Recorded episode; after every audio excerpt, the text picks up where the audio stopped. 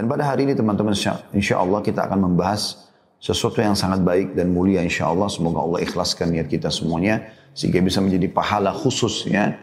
Yaitu tentang rukyah dan bidarah. Di sebelah saya ini ada pohon bidarah ya. Ini juga termasuk mirip sama aloe vera dan juga inai. Saya sarankan ada di rumah Anda tentunya. Ya, dan ini daunnya sangat berhasiat sekali dan akan kita sebutkan insya Allah bagaimana baginda Nabi alaihi salatu wassalam menganjurkan untuk mengkonsumsinya. Ya, terutama bagi orang yang mengalami uh, sihir ya. Juga termasuk keracunan dan seterusnya. Baik teman-teman sekalian, pada kesempatan ini insya Allah tentang masalah rukia dan juga bidara, kita akan mulai dengan rukia tentunya, karena bidara hanya salah satu substansial daripada bahasan bidar, uh, daripada bahasan rukia ini. Saya akan membedah sebuah buku yang ditulis oleh Abdullah bin Abdul Aziz Al-Idan tentang masalah ruqyah, mengobati jasmani dan rohani menurut Al-Quran dan As-Sunnah. Ya. Ini diterbitkan oleh pustaka Imam Syafi'i. Saya akan mulai di bab satunya saja langsung ada pendahuluan saya dah, saya lewatin. Saya akan bacakan insya Allah dan coba kita syarah atau menjelaskan. Yang pertama beliau mengatakan penyakit rohani dan pengobatannya. Dewasa ini kehidupan materi atau duniawi mengalami kemajuan yang mengalami kemajuan yang melampaui batas khayalan hingga sulit dideskripsikan. Uh, Manusia saat ini menggantungkan diri pada peradaban serta kehidupan modern sehingga kehidupan demikian jadi tujuan utama dan cita-cita dari mayoritas mereka. Bahkan dijadikan tolok ukur kebahagiaan dan kesengsaraan mereka. Sampai-sampai mereka rela hidup dan mati untuknya. Tidak mengherankan jika kondisi ini menimpa orang-orang kafir, sebab mereka memang tidak beriman kepada Allah dan hari akhir. Di dunia mereka hanya makan dan bersenang-senang sebagaimana halnya binatang ternak dan neraka adalah tempat kembali mereka. Ironisnya, yang sangat mengherankan ialah kaum muslimin mengikuti pola hidup yang salah ini. Sukarela berjalan di atas rute yang bengkok tersebut mereka pun bergantung dengan dunia, syahwat, serta kelezatannya. Satu sama lain saling menjatuhkan untuk mengumpulkan perhiasan dunia. Mereka menjadikannya sebagai cita-cita tertinggi dalam hidup dan sebagai tujuan terbesar yang harus diraih. Mereka melupakan tujuan penciptaan yang jauh lebih mulia dan tugas yang lebih agung, yaitu beribadah kepada Allah, Sang Pencipta. Dengan mentaati, berjihad di jalannya, serta berdakwah, Dunia dan segala isinya yang berupa syahwat serta kelezatan hanyalah sarana untuk merealisasikan misi tersebut, tidak lebih dari itu. Harga kelalaian serta ketergantungan terhadap dunia sangat mahal. Mereka telah menjual ketentraman, stabilitas, ketenangan, kebahagiaan, dan kesehatan. Mereka menderita penyakit zaman ini, baik secara rohani maupun jasmani, seperti gelisah, takut, gundah, darah tinggi, diabetes, radang usus, dan sebagainya. Lalu mereka ke kanan dan ke kiri, ke dalam dan ke luar negeri, mengeluarkan harta, serta mengerahkan segala daya dan upaya mencari obat penawar dari apa yang menimpa mereka, baik berupa penyakit, penderitaan, maupun problematika kehidupan. Akan tetapi, harta serta usaha tersebut akan tetapi harta serta usaha tersebut belum membuahkan hasil yang diharapkan. Kesembuhan yang mereka dapatkan belum mencapai taraf sempurna. Pasalnya, mereka hanya memfokuskan penyembuhan pada satu sisi dengan mengabaikan sisi lainnya. Mereka hanya memfokuskan diri pada penyembuhan secara fisik atau jasmani saja, yakni dengan mengkonsumsi obat-obatan penenang atau menjalankan operasi bedah yang rumit ataupun sulit bahasa lainnya. Mereka mengabaikan pengobatan lain berupa iman kepada Allah Sang Pencipta, memperbaiki hubungan dengannya, mencari penawar dari Al-Quran, Al-Karim, berzikir dan berdoa. Semua ini akan menguatkan rohani dan sisi maknawi manusia. Yang dengan kekuatan tersebut ia mampu mencegah agar dirinya tidak terjatuh pada sebagian besar penyakit rohani ataupun jasmani. Bahkan apabila ia terkena salah satu dari penyakit tersebut, ia mampu pulih atau ia mampu pulih dan kembali sembuh dengan mudah tanpa melalui kepayahan. Karena itu Anda melihat pemilik iman dan takwa umumnya bebas dari penyakit rohani. Hidup di dalam ketentraman hati, keridoan, kesenangan, penuh harapan dan optimisme meski dalam kesulitan materi.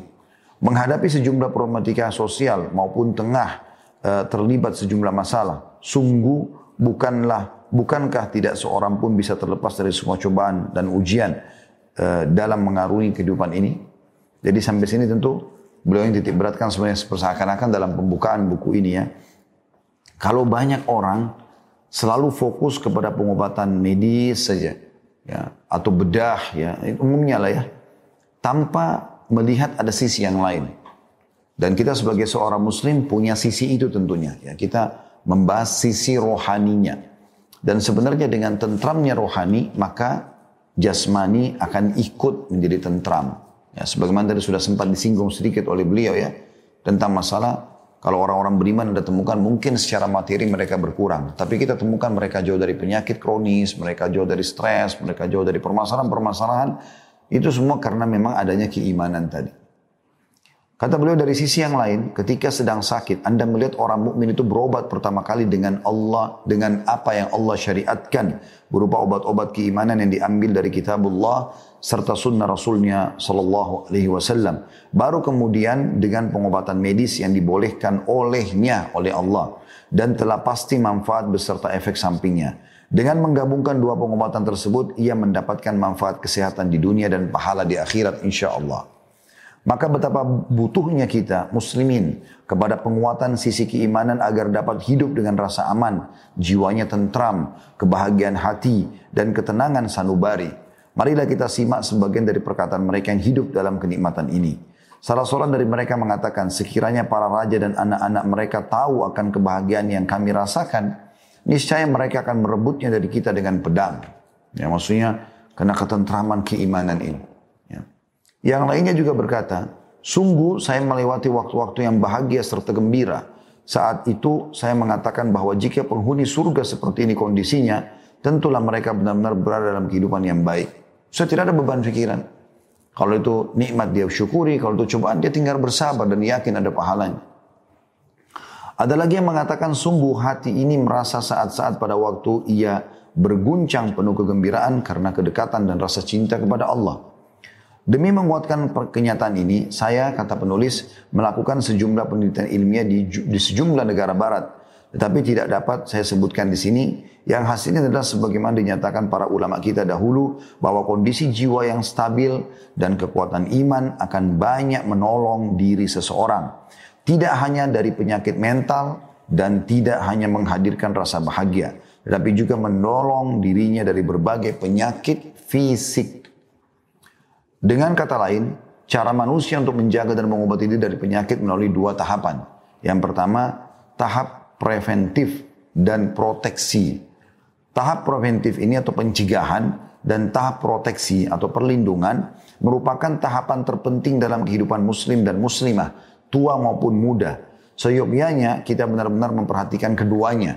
Karena ia dapat menolak suatu penyakit insya Allah sehingga tidak mengena. Sebagaimana kata pepatah mencegah penyakit lebih baik daripada mengobati. Yang kedua tahapan pengobatan. Inilah tahapan untuk menghilangkan dan mengobati penyakit setelah terjadi atau sesudah seseorang terkena suatu penyakit. Ini adalah dilakukan dengan cara yang disebut dengan rukyah syariah ataupun cara lain dari pengobatan secara mental dan medis. Perincian keduanya dijelaskan nanti insya Allah dalam buku ini tentunya. Itu kurang lebih yang kita bahasakan mungkin pasal pertama ya. Pasal yang kedua, perlindungan jiwa dari penyakit. Ketahui serta yakinlah bahwa apabila seorang muslim sanggup ber, sanggup berpegang teguh dengan ajaran-ajaran Islam dan bisa menerapkan adabnya di dalam keseharian, baik secara perkataan maupun perbuatan, lantas menunjukkan semua itu setiap hari dalam segala bidang kehidupan, maka pasti hati atau rohaninya akan bahagia. Di samping kebahagiaan jiwa tersebut, jiwa muslim itu akan terproteksi sehingga menjadi tameng pribadi yang melindungi dari berbagai penyakit. Jadi apa yang sudah kita bacakan semua ini seakan-akan penulis ingin menitik beratkan kalau Anda fokus kepada hubungan dengan Allah Subhanahu wa taala, kembali kepada pengobatan-pengobatan syar'i, maka pada saat itu ya Anda akan terjauhkan dari penyakit jasmani. Adapun maksud penerapan hal di atas sehari-hari adalah ditinjau baik dari segi ibadah, akhlak, kemasyarakatan, maupun bidang kehidupan lainnya, atau praktek atas syariat Allah secara menyeluruh. Keyakinan teguh dan penerapan adab tersebut sudah selayaknya ditambah dengan menjalankan apa yang Allah perintahkan berupa ibadah dan ketaatan, serta berupa menjauhkan diri dari segenap maksiat dan juga segala perkara yang diharamkan olehnya. Maka dengan izin Allah, semua yang disebutkan itu cukup untuk menghadirkan kebahagiaan hati orang mukmin, menjadi proteksi atau pelindung bagi jiwanya, serta akan menjaga sanubari agar tidak terkena penyakit rohani, juga fisik pada umumnya. Karena itu, Islam mengajak kita untuk mengambil seluruh ajaran, adab, doa, dan zikir. Jika kita berpegang teguh dengannya secara sempurna, maka itu menjadi benteng diri dari terkena penyakit rohani insya Allah. Ini juga menjaga kita dari was-was syaitan, kesulitan hidup, serta menjadi sebab bagi kebahagiaan seorang muslim sejati dalam mengaruni kehidupannya dengan tenang dan tentram. Amalan dan zikir utama pelindung jiwa dari penyakit, contohnya beliau sebutkan, yang pertama menunaikan semua kewajiban syariat, khususnya melaksanakan sholat lima waktu di masjid, ya tentu pada saat tidak ada corona kayak kita sekarang ya, secara berjamaah dan dengan khusyuk dan tenang bagi laki-laki. Saya ingin berbagi tentang masalah kehusyuannya ya. Khusyuk termasuk salah satunya adalah tumak nina. Tenang dalam melaksanakan ya dalam melaksanakan ibadah itu ya seperti misalnya memberikan gerakan-gerakannya jangan buru-buru pada saat ruku, pada saat sujud dan seterusnya. Yang kedua, menjauhi seluruh maksiat dan dosa besar maupun kecil serta taubat darinya, khususnya yang menimpa orang yang sibuk dengan mendengarkan nyanyian, musik dan menonton film atau sinetron semua itu melemahkan iman dan menumbuhkan kemunafikan dalam hati, bahkan menjadikan jin dan syaitan menguasai jiwa pelakunya. Yang ketiga, senantiasa membaca Al-Quranul Karim setiap hari. Yang keempat, membaca zikir pagi petang. Yang kelima, membaca zikir di bawah ini sebanyak seratus kali. La ilaha illallah wahdahu la syarikalah. Lahul mulku wa lahul hamdu wa huwa ala kulli syai'in qadir. Tidak ada ilah yang berhak diibadai melainkan hanya Allah semata. Tidak ada sekutu baginya Baginya lah seluruh kerajaan dan baginya tiap pujian dan dia maha kuasa atas segala sesuatu. Yang keenam, ya, selalu mengucapkan zikir yang sesuai dengan momen dan keadaannya seperti zikir masuk dan keluar dari rumah, zikir dan masuk keluar dari masjid, zikir sebelum tidur, zikir bangun tidur dan seterusnya. Yang ketujuh membentengi pribadi dengan doa yang diriwayatkan secara sahih ya dari Nabi alaihi salatu wassalam. Kemudian Selanjutnya yang kedelapan berusaha selalu mengucapkan bismillah setiap kali akan memulai aktivitas. Ataupun pada saat sudah aktivitas dan lupa membacanya, dia kembali mengucapkan bismillah. Yang kesembilan berpegang teguh dengan pelaksanaan sejumlah ibadah beserta ketaatan yang dapat menambah keimanan dalam hati dan menguatkan hubungan kita dengan Allah Subhanahu wa taala antara lain mengerjakan sholat malam, sunnah rawatib, duha, witir, bersedekah, puasa sunnah dan lain-lainnya. Dan yang ke-10 memperbanyak istighfar. Saya melihat ini di awal-awal ini semuanya di dua pasal ini membahas apa yang kita telah jadikan sebagai solusi pertama kita dalam menghadapi corona ini yaitu kembali kepada Allah Subhanahu wa taala. Ya. Selanjutnya yang ketiga teman-teman, hakikat rukyah itu sendiri. Hakikat rukyah itu sendiri. Kata beliau dimaksud dengan rukyah ialah kumpulan ayat Al-Quran atau ta'awud, meminta perlindungan. Serta doa yang bersumber dari Nabi SAW yang dibaca seorang muslim untuk dirinya, anaknya atau keluarganya. Guna mengobati penyakit rohani atau penyakit yang disebabkan oleh penyakit ain atau mata jahat. Manusia dan jin. Kerasukan syaitan, sihir maupun berkaitan dengan penyakit-penyakit yang bersifat fisik atau jasmani maupun rohani. Jadi yang kita tidak beratkan ya, jadi rukyah syariah bisa mengobati diri dari penyakit jasmani ya. Apa pun sifatnya nanti akan kita insya Allah ke depannya beberapa zikir yang kita sampaikan bagaimana Nabi SAW menyuruh untuk menyentuh fisik yang sakit kemudian membaca zikir-zikir tertentu. Ya, dan banyak di antara sahabat memberikan kesaksian mereka amalkan ternyata mereka tersembuhkan bahkan sebelum mengkonsumsi obat-obatan. Ya. Kata beliau inilah makna sebenarnya dan hakikat rukyah syariah.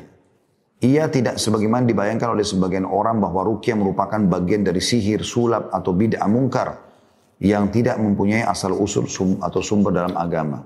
Oleh karena itulah manakala makna rukyah tersebut difahami secara sempit dan salah di benak orang-orang, maka mereka akan menuju tukang sihir dan para penipu demi mencari kesembuhan diri. Sedangkan hal itu amat berbahaya bagi akidah seorang muslim sebagaimana sudah kita ketahui. Ya, tentu dalam hadis Nabi SAW jelas masalah itu ya. Siapa yang mendatangi duku, peramal, penyihir, penyamun, bertanya maka tidak diterima sholatnya 40 hari. Kalau dia percaya maka bisa kufur kepada apa yang diturunkan ya kepada Nabi Muhammad Shallallahu Alaihi Wasallam. Kemudian pasal yang keempat, mengapa harus rukyah syariah? Jawaban ditinjau dari delapan hal kata beliau. Yang pertama, rukyah syariah bagian dari sunnah. Nanti segera kami sebutkan dalilnya dari Al-Quran dan sunnah insya Allah kata beliau. Kenapa kita harus rukyah? Karena memang dia bagian daripada sunnah Nabi alaihi salatu wassalam. Yang kedua, minimnya zikir dan kurangnya upaya membentengi diri dengan mengucapkan wirid. Mayoritas muslim masa kini kecuali yang dirahmati Allah, lalai berzikir kepadanya dan lupa membentengi diri mereka dengan zikir dan doa. Baik itu zikir pagi petang, zikir yang terkait kondisi atau suatu momen tertentu seperti masuk dan keluar rumah, zikir setelah sholat lima waktu maupun berupa membaca Al-Quran, berdoa dan beristighfar. Yang ketiga, tersebarnya hasad, banyaknya orang yang iri. Dan ini terjadi sehingga akhirnya membuat banyak terjadi kerusakan karena hasad. Ya, sementara Nabi SAW sudah melarang hasad itu. Mengatakan hati-hati kalian dari hasad atau iri. Karena sungguhnya dia akan memakan atau membakar amal soleh sebagaimana terbakarnya kayu bakar. Atau dibakarnya kayu bakar dengan api. Yang keempat, rukyah berguna sebagai penyembuh sejumlah penyakit yang menimpa. Terkadang suatu penyakit baik rohani ataupun jasmani. Ketidaktenangan jiwa, ya, sumpah, selalu sedih berkelanjutan, ya. Segala macam problematika dunia yang kita hadapin. Juga secara fisik, kalaupun ada jasmani juga sama. Bisa diobati tentunya. Khususnya ain atau hasad orang. Dikemukakan dalam sebuah hadis tentang efek penyakit mata jahat ini ya, yang begitu cepat menimpa seseorang. Dalam hadis riwayat Muslim kata Nabi SAW, Al-ainu haqq Walau kana syai'un sabaqal qadar la sabaqathu ain. Ain itu benar adanya. Andai saja sesuatu yang bisa ada sesuatu yang bisa mendahului takdir, maka ainlah yang akan mendahuluinya. Ainlah yang akan mendahuluinya. Orang yang terkena ain akan mengalami berbagai macam gangguan dalam hidupnya. Bahkan boleh jadi ia meninggal jika tidak mengobati dirinya dengan rukyah syariah. Dalam hadis sahih kata Nabi SAW, "Aktsaru may yamutu min ummati ba'da qada'illahi wa qadari bil ain. Mayoritas umatku meninggal karena ain ya setelah takdir dan keputusan Allah ya. Setelah ketetapan dan takdir Allah. Ini disebutkan dalam Sahihul Jami' nomor 4022. Syekh Islam Ibn Taimiyah rahimahullah berkata tidak ada satupun jasad yang bisa terbebaskan dari hasad. Hanya saja orang yang buruk menampakkannya sedangkan orang yang mulia menyembunyikannya. Itu alasan juga ya. Jadi di Indonesia saya lihat masih sangat sedikit orang yang memahami ini. Sehingga mereka banyak mengumbar kemesraan di depan umum. Banyak mengumbar prestasi-prestasi ya di medsos mungkin di zaman kita sekarang. Tanpa berpikir kalau akan ada ain yang menimpa mereka. Akan ada ain yang menimpa mereka. Yang kelima, alasan berikutnya kenapa kita harus rukyah syariah adalah disebabkan sarana-sarana yang menyebabkan jin mampu menguasai manusia sudah terpenuhi. Saat ini mayoritas kita mempersiapkan kondisi dan keadaan yang menyebabkan jin mampu menguasai manusia. Misalnya, menyanyiakan sholat, tenggelam dalam kemaksiatan, juga syahwat dan kemungkaran, mengganggu bangsa jin di tempat-tempat kediamannya, ataupun kelalaian yang sangat e, dari berzikir kepada Allah, juga tidak membentengi diri dengan doa dan zikir baik yang bersumber dari Al-Quran maupun yang berdasarkan riwayat sahih dari sunnah Nabi Wasallam. Sebab-sebab lain yang membuat jin bisa menguasai anak Adam adalah ketakutan yang sangat atau yang tiba-tiba, kemarahan yang memuncak dalam, dalam segala kondisi, dan kesedihan atau kegembiraan yang amat dalam pada saat menghadapi suatu masalah dalam kehidupan. Ya. Yang keenam, rukyah syariah dan banyak amal soleh yang lainnya ialah sebaik-baik jalan yang dapat mengantarkan seseorang pada kebahagiaan jiwa dan juga ketentraman hati. Saat ini banyak orang yang mengeluhkan penyakit-penyakit modern seperti stres, sedih, gundah, depresi, dan lain-lain. Obat yang paling mujarab untuk penyakit di atas bagi penderitanya adalah rukyah syariah. Artinya dibacakan ayat-ayat dan juga doa-doa dari hadis Nabi SAW. Ayat-ayat Al-Quran dan juga doa-doa dari Nabi SAW. Setelah pelaksanaan kewajiban-kewajiban syariat dan taat kepada Allah. Yang ketujuh, rukyah adalah sebaik-baik motivator setelah Allah yang membantu seorang untuk beramal soleh dan konsekuen atau istiqomah dalam iman. Betapa banyak orang merasa berat untuk beriba, berbuat ketaatan, sulit untuk menunaikan sholat pada waktunya, melenceng dari hidayah ilahi dan bersikap berlebihan dalam maksiat maupun dosa. Ya, pada saat mereka tertimpa sesuatu lalu mereka rukyah syariah, maka akan menjadi resep yang luar biasa, mereka kembali kepada Allah. Yang kedelapan hasil dari rukyah syariah aman dan terjamin insya Allah. Karena cuma bacaan yang ditiupkan di wadah ya ataupun di tubuh ke tubuh. Kebanyakan kita yang tidak percaya terhadap metode pengobatan islami ini, ya ini rukyah syariah mengalami banyak kerugian materi dan non materi. Kerugian tersebut berupa harta, waktu, dan usaha yang kita keluarkan untuk mengobati kesehatan jasmani dan rohani di sejumlah rumah sakit ataupun klinik. Jika seseorang dari kita diberitahukan obat penyakitmu itu ada di ujung dunia, maka tentu ia akan bergegas pergi ke sana. Ya. Walaupun dikatakan harga obatmu sekian mahal, maka tentu ia akan membelinya. Dia tidak berpikir serta berupaya mencari alternatif pengobatan lain yang di dalamnya terdapat kesembuhan yang hakiki dan mujarab, yaitu rukyah syariah. Padahal rukyah yang syari itu hanya butuh sedikit usaha, waktu, dan kesabaran. Di samping mendapat kesembuhan eh, apabila melakukan rukyah, seseorang juga memperoleh pahala. Sungguh dia tidak akan mengalami kerugian sedikit pun.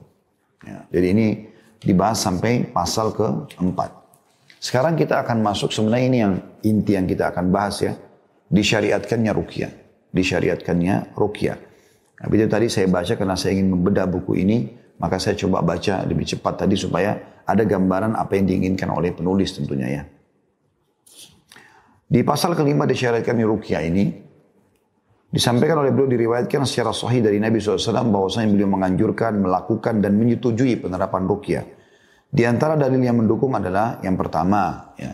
Yang pertama, Aisyah berkata radhiyallahu anha, "Kana Nabi sallallahu alaihi wasallam yaqra'u ala nafsihi bil mu'awwidzat wa yanf wa yanfuth fa idza ishtadda waj'uhu kuntu aqra'u alaihi wa amsahu anhu bi yadihi raja'a barakatiha." Jika Nabi SAW mengeluh karena sakit, apa pun yang beliau rasakan sakit, beliau mengucap rukia untuk diri sendiri. Maka ada istilah rukia mandiri ya, rukia sendiri. Baca ayat-ayat atau doa tiup ke telapak tangan, usap ke badan. Ini Nabi SAW lakukan. Jika Nabi SAW mengeluh karena rasa sakit, beliau mengucap, membaca rukia, doa-doa rukia untuk diri sendiri dan meniup kedua tangan untuk diusapkan ke tubuh dengan tiupan yang diiringi oleh sedikit ludah. Ya, dan diusap. Jika rasa sakitnya memuncak, aku mengucapkan rukyah untuk beliau dan mengucap mengusapkan tangan kanan beliau karena mengharapkan berkah dari itu. Jadi Aisyah sendiri memberikan pernyataan di dalam hadis yang ya, sahih ini diriwayatkan oleh Imam Muslim bahwasanya beliau sendiri pernah merukyah Nabi. Karena Nabi SAW manusia mulia. Ya. Jadi di sini berarti boleh seseorang merukyah orang lain dan ini hadis sahih diriwayatkan oleh Imam Muslim. Ini dalil yang pertama tentang anjuran untuk merukyah, anjuran untuk merukyah ya. Kemudian yang kedua dalam riwayat lain Nabi SAW bersabda la ba'sa birruka malam takun syirkan. Tidak mengapa melakukan rukyah selama bukan syirik. Selama bukan syirik. Ya, dan hadis ini diriwayatkan Muslim juga Abu Dawud. Dan ini lafadznya Abu Dawud. Artinya hadis sahih. Jadi boleh rukyah. Yang ketiga, Rasulullah SAW bersabda, Man istata'a minkum an yamfa'akhahu falyaf'al. Barang siapa di antara kalian yang mampu memberi manfaat kepada saudaranya, maka hendaklah ia lakukan. Hadis ini riwayat Muslim. Ini terjadi tentu tentang ada seseorang yang merasakan sakit di Madinah, kemudian ada seseorang yang mau mau membacakan ayat-ayat untuknya, memerukianya. Maka Nabi SAW mengatakan, siapa yang bisa buat manfaat buat saudaranya, rukiah, rukiahlah. Seperti itu maknanya. Ya seperti itu maknanya. Yang keempat, Nabi pernah berkata mengenai seorang budak wanita yang mempunyai belang hitam di wajahnya istarqu laha fa inna bihan nadrah. Carilah seseorang yang bisa merukianya karena sungguhnya ia terkena ain hadis riwayat Bukhari. Jadi Nabi SAW suruh cari orang ini untuk ya dirukia. Siapa yang bisa merukianya rukia seperti itulah. Ini dalilnya semua sahih riwayat Bukhari, Muslim, Abu Daud ya. Yang kelima adalah Aisyah berkata radhiyallahu anha, karena Nabi SAW ya'muruni an astarkiya minal ain. Nabi SAW pernah memerintahkanku untuk meminta orang lain agar merukia karena pengaruh ain. Ya. Jadi Nabi SAW memerintahkan Aisyah agar dirukia oleh orang lain. Seperti itulah. Ya. Selanjutnya yang keenam, ya, dalil selanjutnya adalah perilaku Jibril alaihissalam pada saat beliau pernah merukia Rasulullah SAW. Di mana Nabi SAW satu waktu pernah mengeluh karena ada perasaan yang tidak nyaman, maka dirukia oleh Jibril dan keluarlah doa yang masyhur Bismillah arkik min yu'dhik wallahu yashfi. Dengan nama Allah aku merukiamu ya, dari semua keburukan yang sedang menimpamu dan Allah akan menyembuhkanmu dan Allah akan menyembuhkanmu. Sekarang pertanyaan yang sering muncul di tengah-tengah masyarakat adalah apakah rukyah ini khusus untuk sihir dan juga ain saja atau semua penyakit bisa termasuk sekarang orang yang terkena wabah corona termasuk teman-teman yang diuji oleh Allah SWT dengan penyakit kronis ataupun penyakit biasa apa pun itu apakah bisa rukyah atau hanya sihir dan juga uh, ain di sini di pasal ke-6 beliau menyebutkan di halaman 43 Mungkin terlintas, terlintas dalam benak kita, terutama orang awam, bahwasanya rukyah dikhususkan untuk pengobatan penyakit yang ditimbulkan oleh ain, sihir, atau kerasukan jin. Serta tidak mempunyai efek pada penyembuhan penyakit jasmani, rohani, ataupun hati. Pandangan semacam ini tidak benar. Jelas-jelas keliru menurut tinjauan syariat. Ia merupakan kesalahan persepsi tentang rukyah yang harus diluruskan agar kita dapat mengambil manfaat darinya dalam mengobati semua penyakit saya garis bawahi lagi, dalam mengobati semua penyakit yang menimpa umat manusia. Baik penyakit yang sifatnya secara maknawi atau penyakit yang dapat tertancap atau tertangkap, tertangkap panca indera. Ada banyak dalil syar'i dari Al-Quran dan Sunnah yang menyebutkan keumuman manfaat rukyah untuk segala penyakit dan tidak dikhususkan rukyah hanya untuk penyakit tertentu saja. Dari Al-Quran, misal disebutkan dalil yang pertama, yang menyatakan bahwasanya membacakan ayat-ayat Al-Quran tidak khusus orang yang kena sihir, ya, ain ataupun kerasukan jin atau syaitan ya. Tapi umum, semua penyakit boleh dibacakan ayat-ayat Al-Quran. Yang pertama firman Allah subhanahu wa ta'ala dalam surah Fussilat, surah nomor 41 ayat 44. A'udhu billahi minasyaitan rajim. Potongan ayat di sini. Kul huwa lilladina amanu hudan wa shifa' Katakan hai Muhammad Al-Quran adalah petunjuk dan penyembuh bagi orang-orang yang beriman. Artinya dibacakan sudah cukup untuk menjadi obat bagi orang-orang yang beriman. Dan kita tahu Al-Quran adalah rujukan utama kaum muslimin. Yang kedua firman Allah subhanahu wa ta'ala dalam surah Al-Isra. Surah nomor 17 ayat 82. A'udhu billahi minasyaitonir rajim. Wa nunazzilu minal qur'ani ma huwa shifa'un wa rahmatun lil mu'minin. Dan kami turunkan dari Al-Quran sesuatu yang menjadi penawar dan rahmat bagi orang-orang beriman. Pasti semua ayat Al-Quran bisa mengobati. Ya. Dan rukyah syariah fokus pada bacaan Al-Quran kemudian doa-doa yang diajarkan oleh Nabi alaihi salatu wassalam. Yang ketiga firman Allah subhanahu wa ta'ala dalam surah Yunus surah nomor 10 ayat 57 yang berbunyi a'udzu billahi minasyaitonir rajim Ya ayuhan nasu qad ja'atkum mau'idatu min rabbikum wa shifa'un wa shifa'un lima fis sudur. Saya ulangi. Ya ayuhan nasu qad ja'atkum mau'idatu min rabbikum wa shifa'un lima fis suduri wa hudan wa rahmatun lil mu'minin. Artinya, wahai manusia, sungguh telah datang kepadamu pelajaran dari Al-Quran. Ya, atau pelajaran al, dalam kurung Al-Quran dari Rabbmu. Penyembuh bagi semua penyakit yang ada dalam dada dan petunjuk serta rahmat bagi orang-orang yang beriman. Ibnu Qayyim rahimahullah berkata, Al-Quran adalah obat yang sempurna bagi semua penyakit hati, badan, dunia, dan akhirat. Akan tetapi, tidak semua orang diberikan kemampuan dan taufik untuk berobat dengan kitabullah ini. Andai seorang penderita mampu mengoptimalkan pengobatan penyakitnya dengan Al-Quran secara jujur, juga penuh keimanan, keyakinan, penerimaan yang sempurna, dan keyakinan pasti, serta ia sudah memenuhi tiap persyaratannya, niscaya dirinya tidak akan pernah dikalahkan oleh penyakit.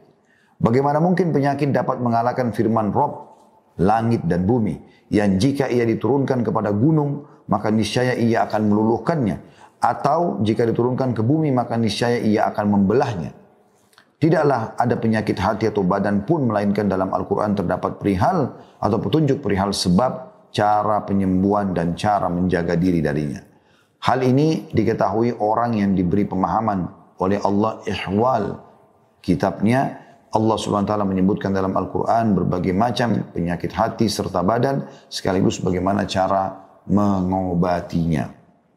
Sementara dari dari As-Sunnah disebutkan dalam uh, beberapa dalil tentunya yang pertama yang oleh penulis Ruqyah Jibril alaihissalam terhadap Nabi kita Muhammad sallallahu alaihi wasallam. Jibril mendatangi beliau dan berkata, "Ya Muhammad, ishtaqait?"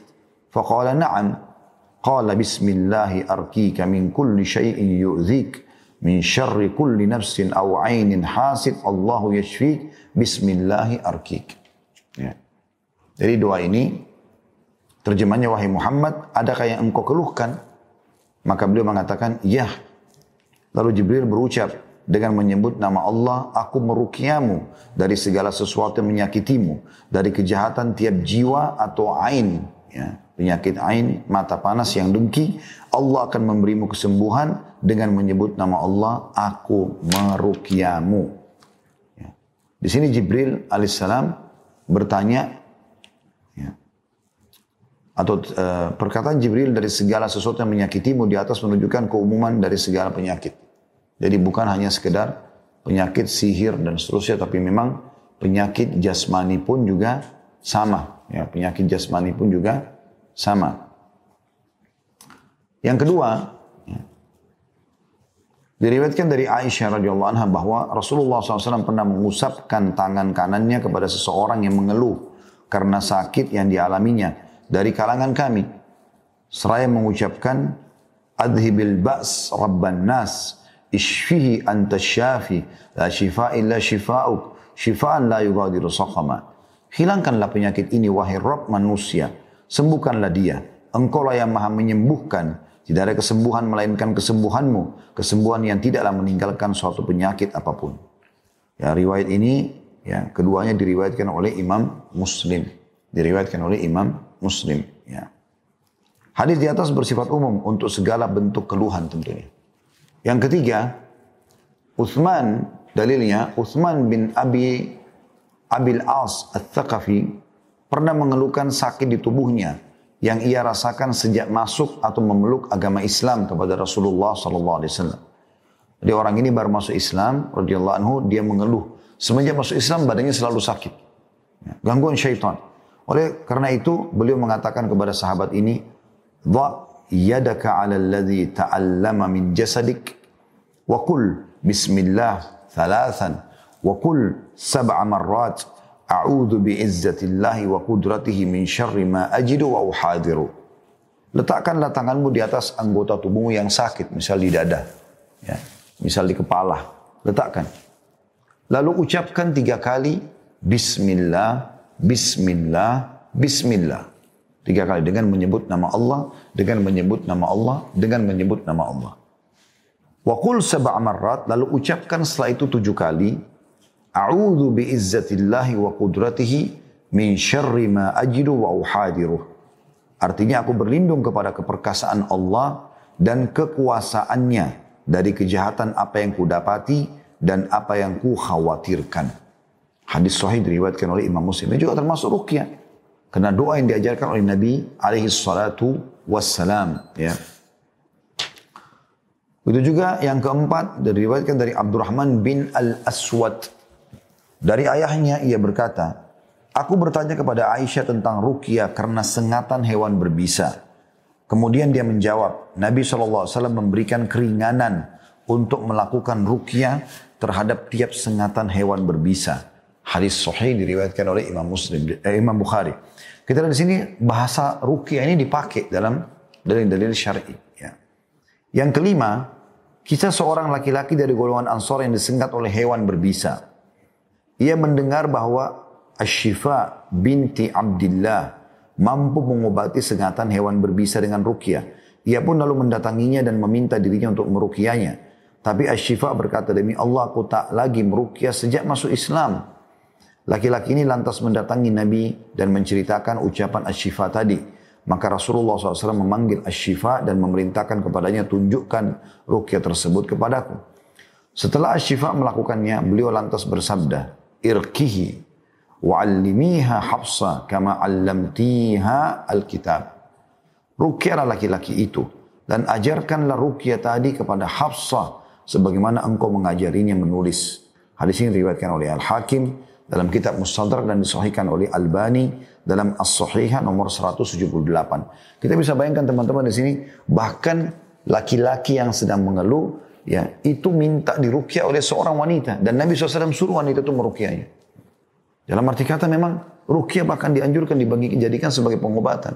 Sebagaimana pengobatan medis ya, adanya perawat dari wanita. Begitu juga dengan laki-laki boleh mengobati wanita tentunya. Terdapat, dan ini hadis diriwayatkan hakim tadi sudah saya katakan dan disesuaikan oleh Syekh Albani. Dan beliau mengatakan terdapat hadis-hadis lainnya seputar terapi rukyah dari sejumlah penyakit fisik yang tidak mungkin kami paparkan dalam tulisan ringkas ini. Mungkin pada zaman ini kita heran bahwa ada rukyah tertentu untuk penyakit tersebut. Atau kita heran jika rukyah bisa memberi manfaat berupa kesembuhan dari berbagai penyakit seperti demam, sengatan kala jengking, sulit buang air kecil, cedera, luka, sakit kepala dan sebagainya. Jadi eh, saya pribadi, saya pribadi teman-teman sekalian, tidak pernah saya mendahulukan pengobatan medis kalau saya pribadi. Saya selalu coba setiap kali saya merasakan suatu sakit kepala kah, terasa gejala awal pilek misalnya tenggorokan sakit atau susah tidur ya apa saja. Termasuk eh, eh, perasaan fisik ya walaupun ada luka dan segala macam misalnya luka. Selalu saya dahulukan rukyah dulu. Bacakan ayat-ayat bacakan doa memohon kepada Allah SWT dan subhanallah 90% sembuh. 10 persennya butuh tambahan medis tapi tetap saya tidak pernah lepaskan masalah ini jadi ini teman-teman yang harus kita perhatikan baik-baik dalam bahasan kita. Yang kita yang diberatkan di sini adalah ingat rukyah syariah justru dikedepankan dari pengobatan yang lainnya. Dan pada saat Anda bisa menggabungkan nanti rukyah syariah itu misalnya dengan madu, ya Anda tiupkan rukyah itu di madu, Anda konsumsi, ada konsumsi kurma ajwa yang memang dia sekaligus memang fungsinya bisa menyembuhkan dari sihir dan segala jenis racun ya, hambatus sauda dan yang lain-lain ini semua bisa kita gunakan sebagai wadah ya untuk uh, memudahkan rukyah itu termasuk juga air zam-zam tentunya ya. Lalu kata beliau, contoh konkretnya, salah satu contoh konkret dari manfaat rukyah adalah kisah Ibnu Qayyim rahimahullah.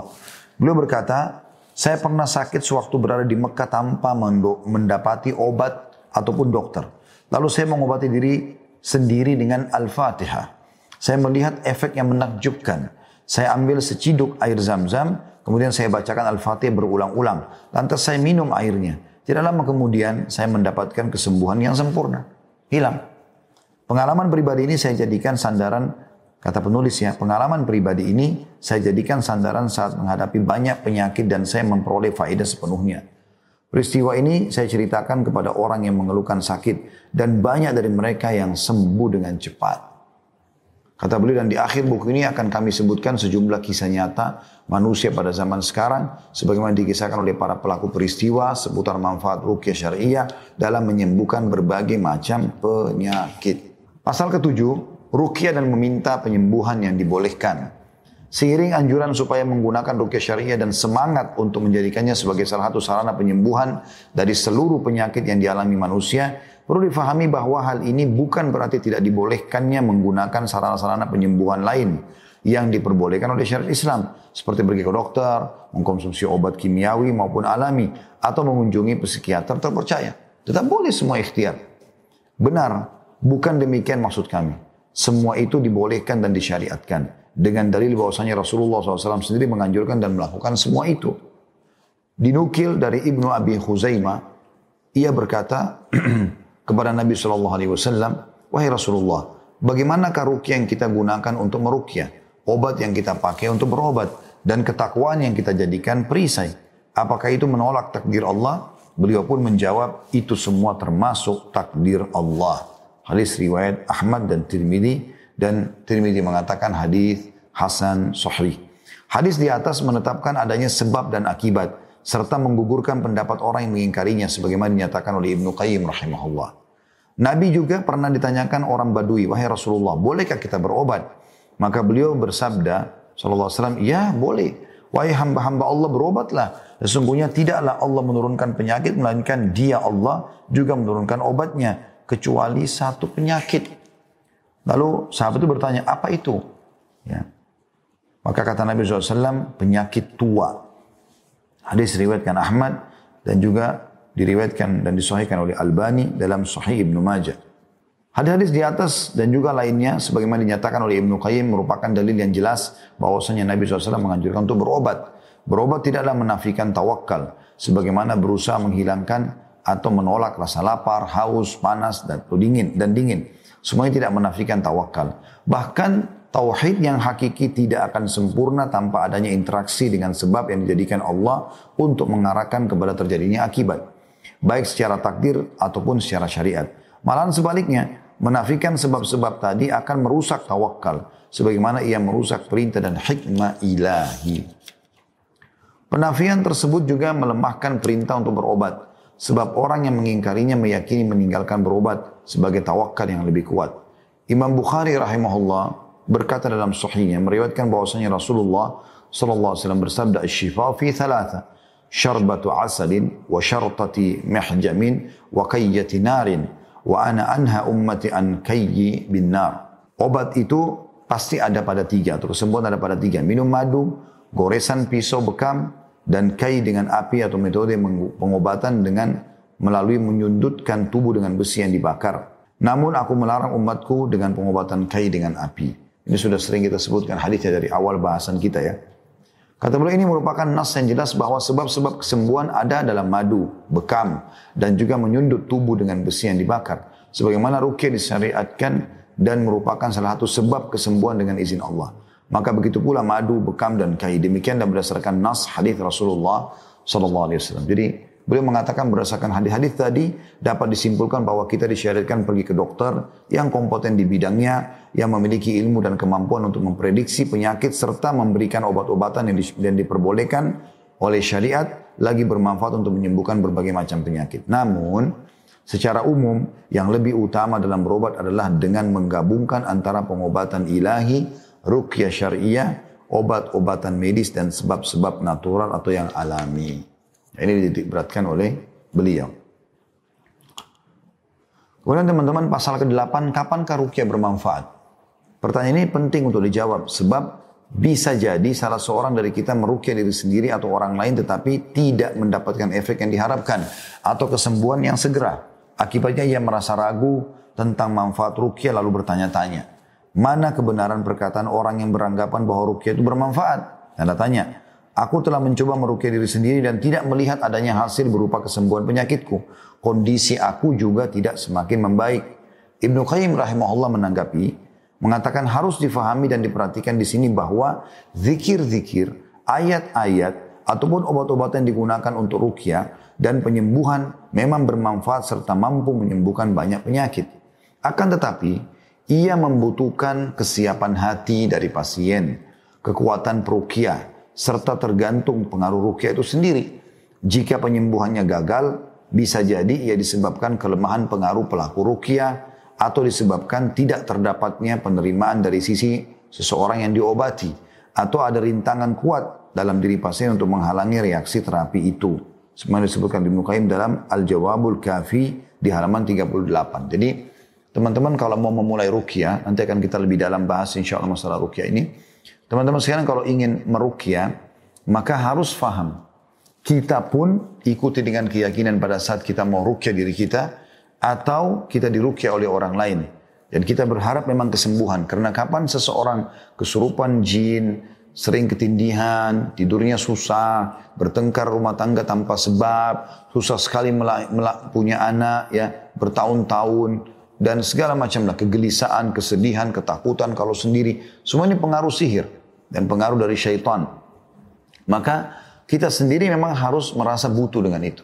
Karena ada orang di rukyah tidak sembuh karena memang dia tidak yakin. Masa sih? Benar nggak? Gitu lah.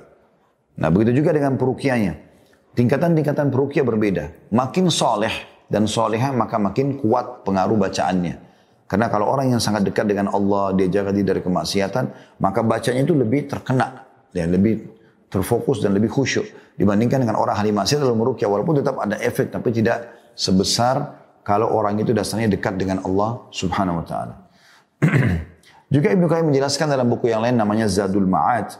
Beliau mengatakan pengobatan rukyah terbukti manfaatnya kalau ter terpenuhi dua syarat. Salah satunya dari si penderita dan satu lagi dari pihak yang mengobati. Jadi dari dua orang ini harus ada respon yang sama. Syarat yang terkait penderita ialah kuatnya jiwa, kesungguhan jiwa dalam bergantung kepada Allah, keyakinan pada bah, pasti, keyakinan pasti bahwa Al-Quran itu obat dan rahmat bagi kaum mukminin atau umat Islam, serta ucapan ta'awud yang benar, a'udzubillahi juga kemampuan hamba dalam menggabungkan antara hati dengan lisan. Rukyah itu ibarat ya, suatu peperangan. Orang yang berperang tidak akan beroleh kemenangan yang sempurna melainkan dengan dua syarat. Yang pertama, senjata yang digunakan adalah bagus dan benar dalam penggunaannya. Yang kedua, lengan yang menggunakan senjata tersebut adalah lengan yang kuat. Jika tidak terdapat salah satunya, tentu senjata bagus tidak begitu bermanfaat. Maka bagaimana jika dua perkara tersebut tidak ada pada diri seorang pejuang? Hati hamba yang demikian adalah hati yang kosong atau hamba atau hampa dari nilai tauhid, tawakal, ketakwaan serta ketundukan. Ditambah lagi ia tidak memiliki senjata.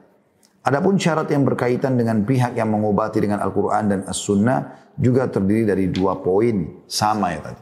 Bagaimana dia juga yakin si perukia ini dengan apa yang dia baca, dia yakin dengan izin Allah dia bisa menyembuhkan, dia dia memohon dengan tulus dengan doa-doanya kepada Allah agar bisa menyembuhkan. Ya, jadi ini jawaban tentunya di pasal 8 tentang orang yang mengatakan saya sudah sering rukyah tapi belum sembuh-sembuh juga.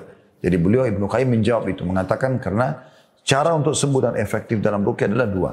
Bagaimana kesiapan perukyahnya sendiri, bagaimana juga kesiapan orang yang dirukyah itu.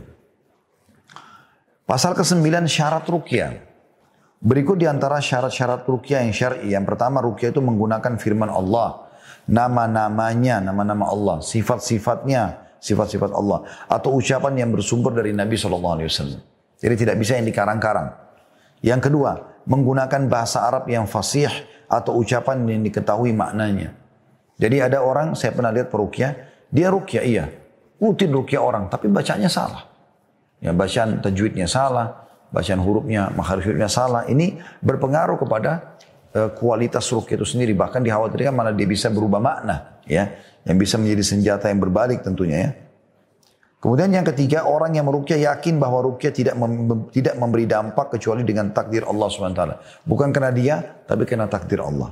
Yang keempat, rukyah tidak dilakukan dengan tata cara yang haram atau bid'ah. Misalnya merukyah di kamar mandi, kuburan, juga memiliki waktu tertentu untuk rukyah seperti ketika melihat bintang dan pelaku rukyah dalam keadaan junub atau memerintahkan pasien untuk dirukyah dalam keadaan junub. Ini semua tidak akan punya efektif. Justru harus dia bersuci. Bahkan si yang mau merukyah dan yang mau dirukyah itu dua-duanya dalam keadaan berhudu. Itu jauh lebih baik tentunya dan lebih besar efeknya. Itu syarat yang keempat. Syarat yang kelima, pihak yang merukyah bukan penyihir, dukun dan peramal. Nah ada sebagian orang di Indonesia pun menyebarkan isu itu ya. Bahwasanya sihir bisa dilawan dengan sihir. Maka karena dia kena sihir, dia boleh datang ke dukun untuk minta tolong. Ini tetap kena hadis Nabi SAW yang melarang untuk minta tolong kepada para penyihir-penyihir. Yang keenam, Rukyah tidak mengandung ungkapan atau tata cara yang diharamkan karena sungguhnya Allah tidak menjadikan perkara yang haram sebagai obat. Jadi misalnya dia rukyah sambil suruh minum darah ya, atau makan bangkai sebagaimana dukun-dukun sering lakukan kepada pasiennya. Kita akan uh, masuk, selesaikan insya Allah sampai ke pasal ke-12 ya insya Allah. Saya akan coba bacakan pasal eh, sampai pasal ke-11 sebenarnya. Ini kita sudah masuk ke yang ke-10. Tanda dan indikasi rukyah syariah. Apabila didapatkan tanda-tanda berikut atau sebagiannya, meskipun hanya satu, baik saat yang bersangkutan berada dalam kondisi tidur maupun terjaga dengan bentuk yang tidak wajar seperti sering terulangnya tanda-tanda tersebut atau tampak jelas pada kekuatannya, maka ini menunjukkan bahwa orang itu membutuhkan rukyah syariah, obat-obatan medis dan juga psikiater. Untuk itu kami hendak mengingatkan satu perkara penting yaitu tanda-tanda dan indikasi-indikasi tersebut bukanlah bagian dari melontarkan prasangka atau dugaan semata ke dalam jiwa tentang keberadaan penyakit tertentu. Tidak sebagaimana yang disangkakan beberapa orang. Sungguh ini sama sekali tidak demikian. Kami membahas ini karena dua tujuan. Yang pertama, jika seseorang tidak mendapati tanda-tanda yang kami sebutkan, hendaklah ia bersyukur dan memuji Robnya atau Tuhannya Allah subhanahu wa ta'ala karena banyak nikmat yang telah dia Allah berikan seperti terselamatkannya dari berbagai penyakit. Yang kedua, jika terdapat pada diri seseorang sebagian dari tanda-tanda tersebut, lalu ia ingin menjalankan proses penyembuhan, baik untuk dirinya atau untuk orang lain, hendaklah ia melakukan rukyah syariah atau memakai tenaga seorang ahli rukyah yang terpercaya. Jangan menemui tukang sihir, dukun, juga paranormal. Ya, ini istilah baru paranormal ya. Jadi ini tidak benar atau di biasa di Indonesia dikatakan orang pintar. Mereka adalah orang-orang yang bodoh karena mereka justru minta tolong sama syaitan yang merupakan ahli neraka. Sebab menemui mereka hukumnya haram, bahkan dapat sampai ke derajat kemusyrikan. Wa na'udzubillah kata beliau. Meski mereka mengklaim secara dusta mempunyai cara pengobatan yang cepat dan mujarab untuk segala macam ataupun bentuk penyakit manusia. Hendaklah kita berhati-hati dan menjauhi mereka. Tanda-tanda dan indikasi dari terjangkit penyakit rohani antara lain. Yang pertama, yang paling nyata ini adalah berpaling atau menjauhkan diri dari ketaatan dan berzikir kepada Allah. Khususnya sholat fardu. Malas sekali sholat. Selalu melalaikan sholat. Nanti sudah mau masuk waktu sholat selesai baru sholat. Itu pun buru-buru. Ini berarti sudah ada indikasi Anda butuh rukyah. Ataupun malas melakukan ibadah secara umum. Yang kedua, sakit kepala yang terus-menerus tanpa disebabkan gangguan psikologis. Selalu sakit kepala tanpa sebab. Beberapa jam sekali sakit kepala lagi, sakit kepala lagi. Ya. Yang kedua, kemarahan yang selalu amat sangat atau sangat tinggi hingga seorang kehilangan kehilangan kontrol atas diri dan lisannya. Ya, kalau ada orang apa saja marah, selalu marah. Bahkan kadang-kadang karena rusaknya fitrahnya sampai-sampai dia marah pada hal-hal yang tidak diperlukan. Mungkin untuk kepada dirinya sendiri.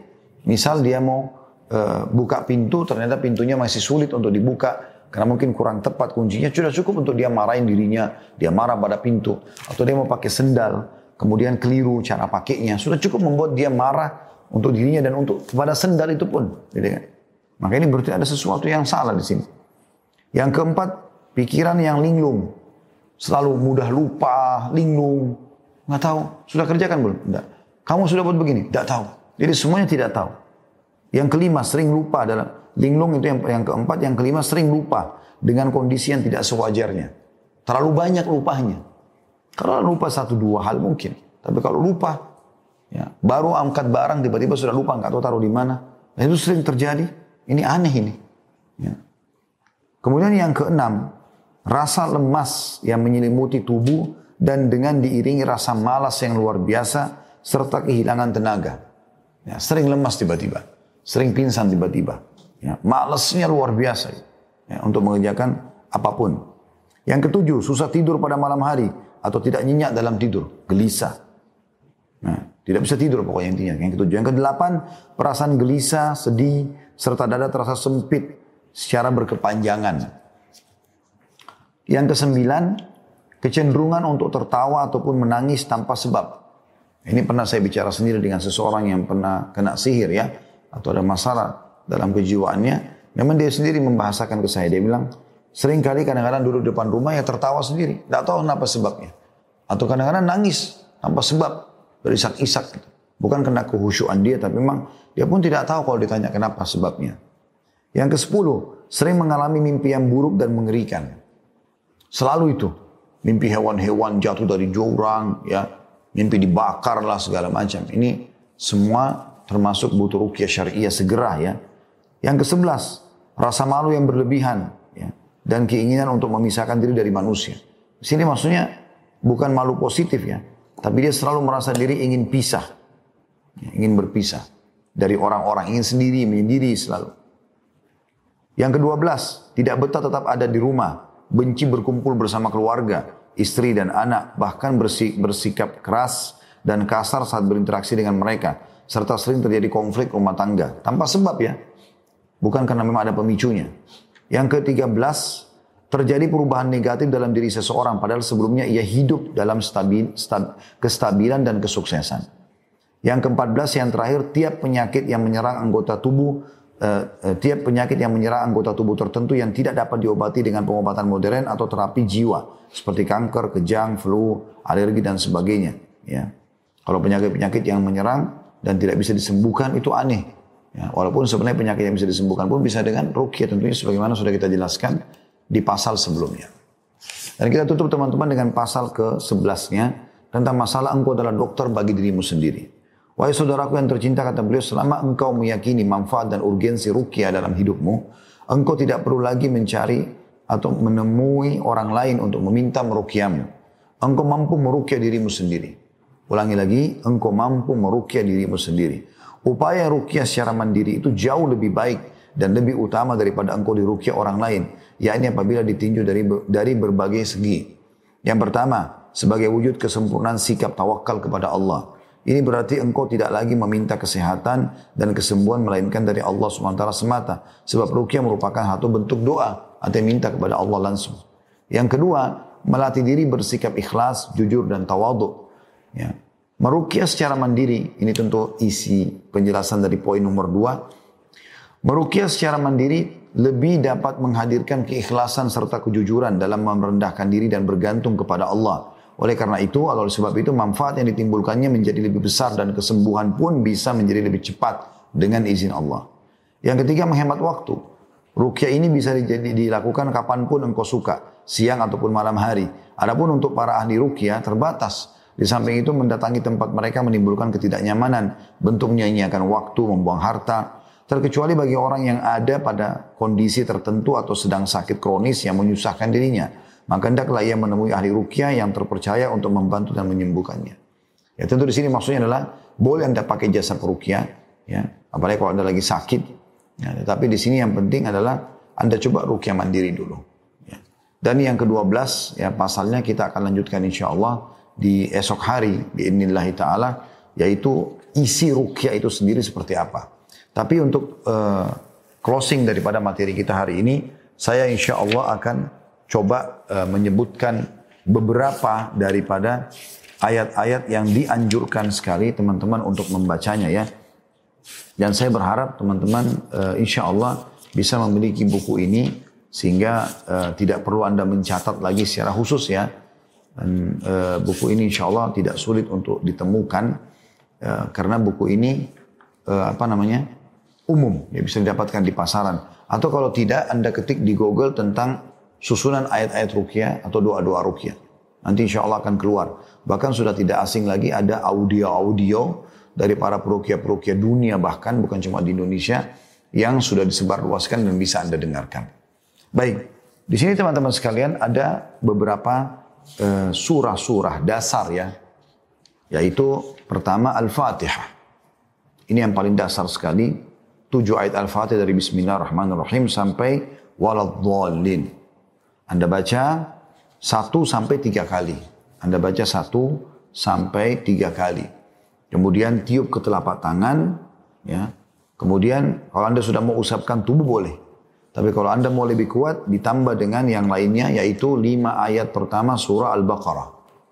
Lima ayat pertama surah Al-Baqarah. Ya, dari Alif Lam Mim sampai wa ulaika humul muflihun. Hmm. Kemudian juga masih surah Al-Baqarah di ayat 102. Wattaba'u ma tatlu syayatinu ala mulki Sulaiman. Ya, ini tentu teman-teman sekalian ayat 102. Ya. Insya Allah nanti besok kita akan bahas panjang lebar ini ya. Saya cuma sebutkan ini yang Anda lakukan sebagai closing materi kita. Besok kita akan lebih fokus insya Allah ya untuk uh, melakukan rukyah Ya, nanti coba saya akan praktekin insya Allah masalah rukyah mandiri dan juga uh, kalau seseorang sedang dirukyah seperti apa. Nanti akan saya minta seorang ikhwah bisa hadir insya Allah di sebelah saya untuk saya lakukan proses rukyah itu ya, insya Allah. Kemudian juga Al-Baqarah ayat 137, fasayakfikahumullah wa huwa samiul alim. Kemudian Al-Baqarah 255, tepatnya ayat kursi. Allahu la ilaha illa wal hayyul qayyum sampai wa huwal aliyyul azim. Kemudian masih Al-Baqarah juga Ya. Di ayat 284 sampai 286-nya. Akhir ayat-ayat surah Al-Baqarah. Kemudian juga Al-Imran 5 ayat pertama. Kemudian Al-Imran ayat 85. Kemudian Al-Imran 173 sampai 174. Kemudian Al-An'am 17. Al-A'raf 54 sampai 56. Kemudian Al-A'raf 117 sampai 119. Ini kalau Anda mau sempurna ya dibaca semua. Kemudian Yunus 79 sampai 82. Ini tentang ayat-ayat sihir, pembatalan sihir tentang kasus Nabi Musa AS mengalahkan uh, para penyihir Fir'aun. Kemudian surah Isra ayat 82. Kemudian Al-Kahfi 39. Kemudian Toha ayat 65 sampai 69. Ya, ini pengalaman kami. Kalau dibaca surah Yunus 7982, kemudian is, uh, apa namanya Toha ayat 65 sampai 69 ini umumnya biasanya pasti pengaruhnya langsung bereaksi. Ya, kalau emang ada masalah-masalah ya, sakit, rasa gelisah, kalau orang memang dasar ada syaitan, ada jinnya, maka dia kesurupan biasanya, seperti itulah. Kemudian Al-Mu'minun selanjutnya 115 sampai 118. Al-Mu'minun 115 sampai 118. Kemudian surah Yasin 1 sampai 9. Kemudian As-Saffat 1 sampai 10. Kemudian Al-Mu'minun 1 sampai 3. Kemudian Al-Ahqaq 29 sampai 32. Kemudian Ar-Rahman 33 sampai 35. Al-Hashr 21 sampai 24. Al-Mulk 1 sampai 4. Ya. Al-Qalam 51 sampai 52. Al-Jin 1 sampai 9. Kemudian Al-Ikhlas, Al-Falak dan An-Nas. Al-Ikhlas, Al-Falak, dan An-Nas. Insya Allah, bismillah, besok kita akan baca ayat-ayat ini, kemudian dengan terjemahannya. Hanya saya tutup teman-teman materi kita dengan uh, metode rukianya ya. Metode rukiah yang bisa Anda praktikkan sementara insya Allah di rumah. Ya. Teman-teman coba um, mengambil segelas air, ya. Tentu juga Anda bisa lakukan dengan madu ya dengan madu madu ini teman-teman bisa uh, di wadahnya ya. Kemudian anda mengambil tujuh lembar daun bidara bidara ini mudah didapatkan ya. Anda tinggal bilang pohon bidara insya Allah mereka sudah tahu. Ya, di sebagian lokasi Jakarta pernah saya dapatkan orang menamakan dengan apel India. Tapi jelas Anda bilang saja bidara. Dan Anda bisa ketik di Google tentang pohon bidara, Anda akan temukan insya Allah seperti ini kurang lebih daunnya. Dan ciri khasnya supaya Anda tidak salah beli pohon, dia di dahannya ini banyak sekali duri-duri. Banyak sekali duri. Dan kelebihannya daun bidara ini teman-teman sekalian luar biasanya, Allah ciptakan dia, dia sangat subur. Yang penting lembab, Anda sering menyiramnya. Maka setiap kali dipetik tujuh lembar ini, kalau saya petik tujuh lembar daun ini, besok pada saat Anda lihat di sini sudah tumbuh daun baru. Jadi selalu begitu. Makanya di rumah harus ada ini. Dalam sebuah hadis yang sahih disebutkan Nabi SAW mengambil tujuh lembar atau memberatkan tujuh lembar daun bidara yang diulek. Ya. Lalu sekarang kita bisa blender. Kemudian Anda ambil wadah seperti gelas ini atau kalau mau wadah lebih besar misalnya ember ya Kemudian Anda cemplungkan itu, ya, daun bidara tadi, kemudian Anda mulai rukyah. Anda pilih tadi surah-surah itu. Bisa dibaca semuanya jauh lebih abdul. Kalau tidak, saran saya ini yang selalu saya sampaikan, enam surah dasar. Al-Fatihah, kemudian ayat kursi, kemudian Al-Kafirun, kemudian Al-Ikhlas, ahad, kemudian Al-Falak, dan An-Nas, Nas. Anda praktekin baca Ya, setelah baca Al-Fatihah, tiup telapak tangan tiga kali. Ya, bisa dengan sedikit ulat. Ya. Kemudian ayat kursi, kemudian kemudian baca Al-Kafirun. Kemudian baca Al-Ikhlas. Tiup tiga kali setelahnya. Ya, kemudian baca Al-Falak. Setelah selesai Al-Falak ini baru baru tiup. Kemudian An-Nas juga begitu. Lalu usap tubuh sebagaimana Nabi SAW melakukan. Diusap dari bagian kepala ya, digosok-gosok ke bagian badan ini terus saja. Saya sangat yakin dan ini memang hasil pengalaman. Kalau misalnya anda ada sesuatu gangguan misalnya ada gangguan setan ataupun ada gangguan penyakit di tubuh, ya itu terasa sedikit panas, ya meriang dan sering kali sendawa. Ya. Termasuk juga penyakit jasmani ya. Anda usapkan ke seluruh tubuh, kemudian hasil yang Anda baca juga tadi Anda tiupkan ke air. Ya. Kemadu juga begitu. Nah, kalau madu Anda tinggal konsumsi saja. Dan ini Anda bisa lakukan di, di susu Anda, di kopi, di teh, ya. Anda bisa lakukan semua rukyah ini. Rukyah syari boleh dilakukan.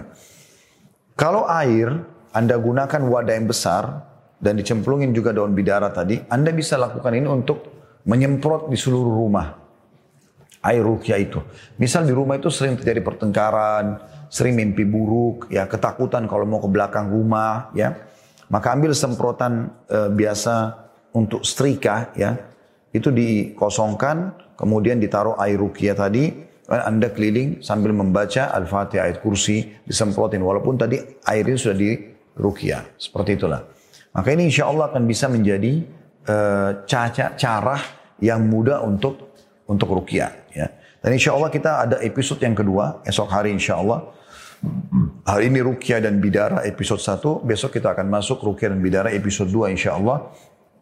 Akan lebih banyak ke masalah lanjutan bahasan buku ini sampai kita selesaikan insya Allah nanti dengan praktiknya. ya Bagaimana kita mempraktikkan Rukyah syariah dan bagaimana Anda lakukan buat diri Anda juga buat keluarga di rumah ya termasuk kepada pasangan, suami ataupun istri ataupun kepada anak-anak ya ini semua insya Allah bisa atau mungkin Anda lakukan kepada teman kalau memang membutuhkan masalah itu. Allahu a'lam.